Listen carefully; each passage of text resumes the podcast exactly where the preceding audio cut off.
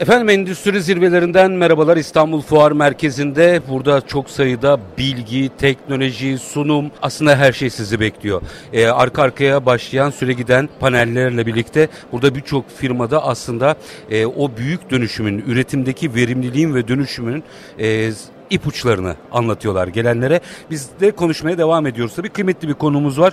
Nesko Otomasyon ve Ölçüm Proje ve Satış Müdürü Özkan Çördükçü bizlerle birlikte. Sayın Çördükçü hoş geldiniz. Hoş bulduk, merhaba.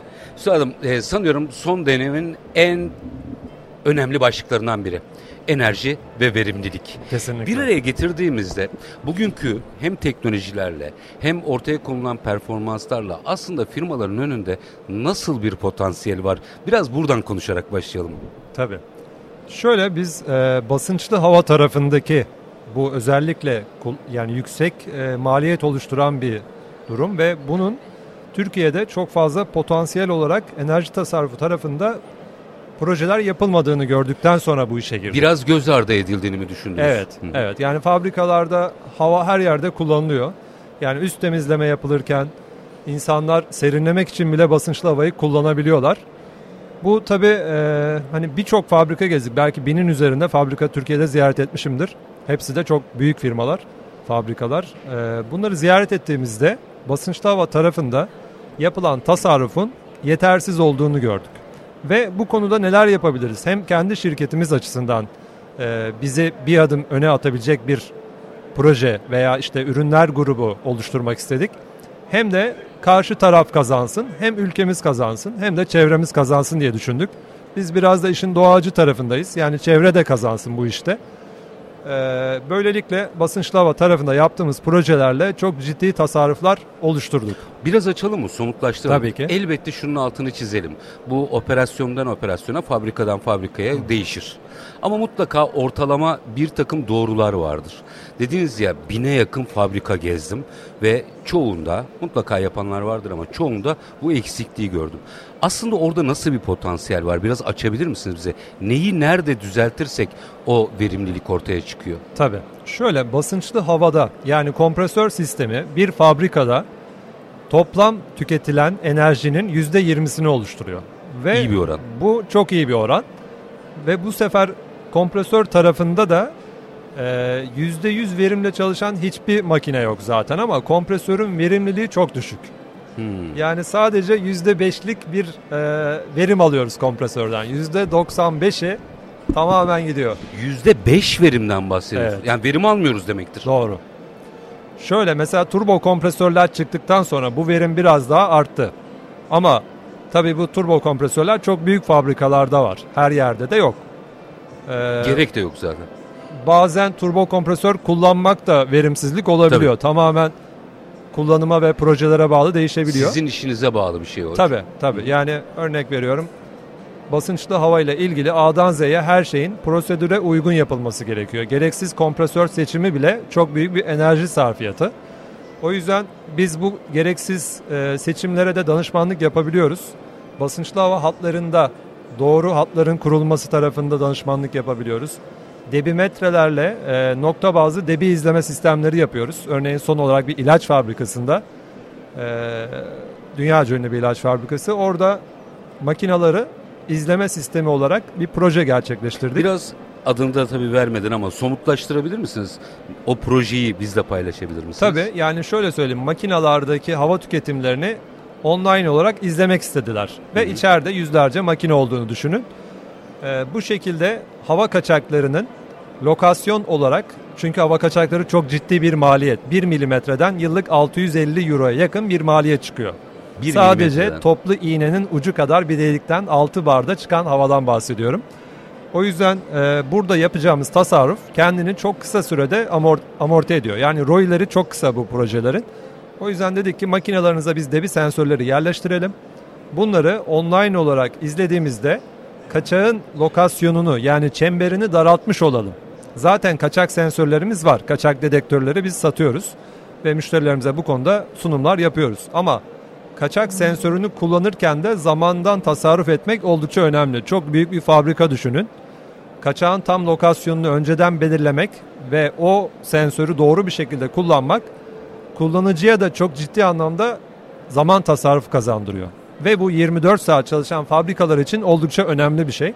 Hani enerji tasarrufu tamam ama zaman tasarrufu da çok önemli.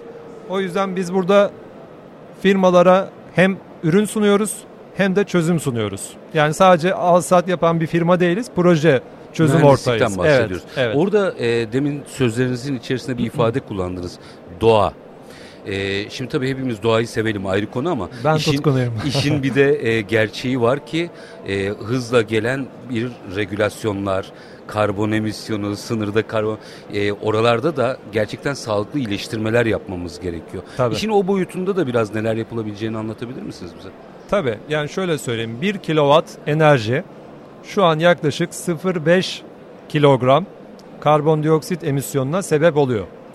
Ve bizim yaptığımız bu projelerle çok ciddi bir anlamda karbondioksit emilimini azaltıyoruz salınımını. Biz e, fabrikalarda örneğin işte bir jant fabrikasında son yapacağımız projeyle birlikte hesaplamalarını yaptığımızda, raporlarını çıkardığımızda saatte 85 kilowatt tasarruf çıkartacağız. 100 kW'lık bir kurutma sistemini 15 kW'a düşürüyoruz. Bunu nasıl yapıyoruz? Blower sistemlerimizle. Sadece debi izleme e, projeleri yapmıyoruz. Aynı zamanda blower sistemleriyle de basınçlı hava tarafında ciddi tasarruflar oluşturabiliyoruz. Nasıl yapıyoruz bunu? Örneğin bir kurutma prosesinde bir ekstrüzyon olabilir veya bir herhangi bir şey olabilir. Gıda olabilir, patates, işte elma kurutma, şişe kurutma yani basınçlı havanın kullanıldığı her yer. yer. Evet. Buralarda biz blower sistemi öneriyoruz. Çünkü blower sisteminde debiler çok yüksek ve basınç çok düşük. Yani kurutma için bizim zaten basınca ihtiyacımız yok. Hı hı. Suyu üzerinden süpürmek için debiye ihtiyacımız var. Biz bu sistemi basınçlı hava sistemini tamamen ortadan kaldırarak sadece kurutma tarafında diyorum. Hani silindirler, valfler için zaten basınçlı hava ihtiyaç var. Evet. Bu proses için diyoruz ki lokal bazlı burada size blower sistemini kuralım ve %90'a e, yakın enerji tasarrufu yapalım diyoruz. Tabii firmalar bunu nasıl ispatlayacaksınız diyorlar. Daha sonra bir debimetre getiriyoruz. Orada kullanılan prosesteki basınçlı hava tüketimini bu debimetrelerle ölçüyoruz. Ölçtükten sonra diyoruz ki sizin hava tüketiminiz normalde bu işlem için kullandığınız hava tüketiminiz işte örnek veriyorum 10 metreküp dakika. 1 e, metreküpün maliyeti zaten belli. Avrupa standartları ortalaması var. 0.02 euro. Ve bu ROI raporlarını çıkardıktan sonra diyoruz ki sizin normalde burada basınçlı havayla yaptığınız sistem e, işte aylık olarak 10 bin euro tüketiyorsa blower sistemini getirdiğimizde bu blower'ın sonuçta belli bir kilowatta motoru var ve harcayacağı enerji belli. Saatteki enerji miktarı belli amortismanı da belli. Aynı şekilde oradan da bir ROI raporu çıkarıyoruz. Blower sistemlerimiz genelde kendini 6 ayda amorti ediyor. Sanıyorum dijitalleşmeyle birlikte daha doğrusu verileri saptamakla birlikte galiba anlatım biraz daha kolaylaştı ne dersiniz? Kesinlikle. Değil mi? Yani insanların bilinçlenmesi de arttı bu konuda. Sonuçta bugün e, firmalar kendi arasında bir enerji savaşı yapıyor. Yani bir enerji tasarrufundan Hani nasıl daha fazla tasarruf yaparız? Geçen mesela bir tekstil fabrikasına gittik holding Bursa'da. Marka isimlerine girmeyelim. Tamam. nedeniyle. O yüzden sadece adını vermedim. Ee, orada yaptığımız sunuma yönetim kurulu başkanı da geldi. Sonra hani ben kendisinin bu kadar detaylı işte hem teknik olarak hem de e, aktif olarak sunuma katılıp böyle güzel sorular sorabileceğini açıkçası düşünmemiştim. Ama kendisi teknik olarak da donanımlı. Ee, ve hani güzel bir çalışma olacak. Orada birçok projede mesela şu an bizle birlikte çalışacaklar. Ee, ve yapacağımız A'dan Z'ye yapacağımız iyileştirmeler var. Bu iyileştirmelerden sonra yine ciddi bir oranda tasarruf öngörüyoruz onlara. Bunu da zaten raporluyoruz biz müşterilerimize. Üstad şimdi e, anlatabildiklerinizde sıkıntı yok. Mesela bu çok güzel bir örnekti.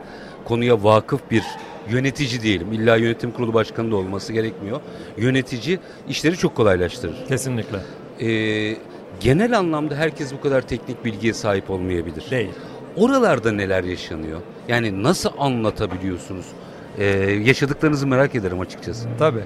Şöyle biz fabrikalara gittiğimizde genellikle mesela basınçlı havanın pahalı olduğunu bilinçlendirmek adına sunumlar gerçekleştiriyoruz. Diyoruz ki ne kadar fazla katılım olursa hani teknisyeninden mühendisine kadar işte e, bakım müdürüne veya işte daha da üst kademede kim varsa ne kadar yoğun katılım olursa o kadar iyi olur. Çünkü basınçlı havanın maliyetini açıkçası e, hani Türkiye'de çok fazla bilinmiyor. Metreküp maliyetini Biraz sorduğumuzda. göz ardı ediyoruz değil mi? Evet yani basınçlı hava nasıl olsa işte kompresör bir yerden emiyor, üretiyor, basınçlandırıyor ve bize veriyor. Kullanırız istediğimiz gibi diye şeylerde alıyoruz, dönüşlerde alıyoruz. Ama Suyun akışını seyretmek gibi bir şey bu aslında. tabii tabii. Yani ciddi çok ciddi maliyetler çıkıyor. Elektrik birim maliyetinden yaklaşık 8 kat daha pahalı basınçlı havanın birim maliyeti. O yüzden burada yapacağımız bir birimlik tasarruf bize elektriksel olarak 8 kat olarak geri dönüyor.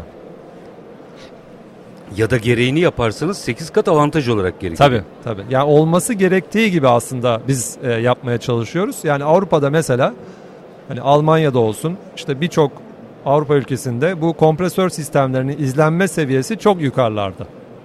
Ama Türkiye'de yeni yeni bunlar artık e, piyasaya giriyor ve hani biz tanıtıyoruz, satıyoruz veya işte projeler yapıyoruz.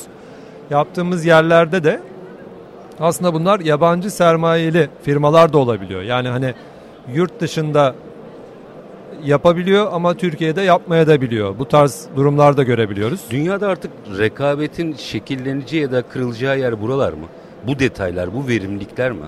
Kesinlikle öyle çünkü enerjinin takip edilebilir olması birim maliyeti de görmüş oluyorsunuz. Yani bir ürünü ben ne kadar enerjiye üretiyorum şu an e, bunu bilmiyorsak ürettiğimize de uygun bir fiyat biçemeyiz. Yani aslında şunu anlıyorum sözlerinizden. Biz daha önce bunları göz ardı ettiğimizde gerçekten bir maliyet hesabı yapamıyormuşuz.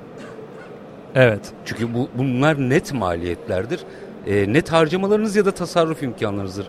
O zaman biz ürünün gerçek maliyetini hiçbir zaman yapamamışız. Tabii. Biz mesela fabrikalarda şunu diyoruz. Diyoruz ki 1 metreküp maliyet yani basınçlı havanın 6 bardaki maliyeti 0.02 euro diyoruz. Ama bu Avrupa standartları ortalaması. Aslında bunun bir formülü var. Fabrikanızda diyoruz şu formüldeki değerler net olarak biliniyorsa biz bu rakamı hani kullandığınız metreküpün maliyetini net bir şekilde hesaplayabiliriz diyoruz. Normalde biz Avrupa standartlarının ortalamasını kullanıyoruz. Yani Türkiye'de genel olarak e, bu ortalamayı kullanıyoruz ama bu ortalamanın genellikle üstünde fabrikaların metreküp maliyeti. Çok fazla yukarıdayız değil mi? Çok yani çok nadir olarak altında olan birkaç firmada gördük. Ama A'dan Z'ye her şeyine dikkat eden bir firma bunlar. Ee, onlar iyi ki var çünkü onları Tabii, göstererek tabii. Aynen, e, referans diğerlerini oluyor. anlatmak önemli. Ee, çok teşekkür ediyorum. Rica ederiz. Ben Anlatmaya devam edeceğiz Ee, ama söylediğiniz unsurlar aslında bizim bir e, proses içerisindeki verimsizliklerimizi o kadar güzel deşifre ediyor ki e, bu açıdan baktığımızda tam tersini yaptığımızda da aslında belki de aradığımız finansman firmalar adına söylüyorum fabrikaların içinde. Kesinlikle öyle. Efendim e, Nesko Otomasyon ve Ölçüm Proje ve Satış Müdürü Sayın Özkan Çördükçü çok çok teşekkür ediyorum Biz efendim. teşekkür ederiz. Var olunuz. Sağ olun. Kısa bir ara aranın ardından zirveden canlı yayınımız devam edecek. Lütfen bizden ayrılmayın.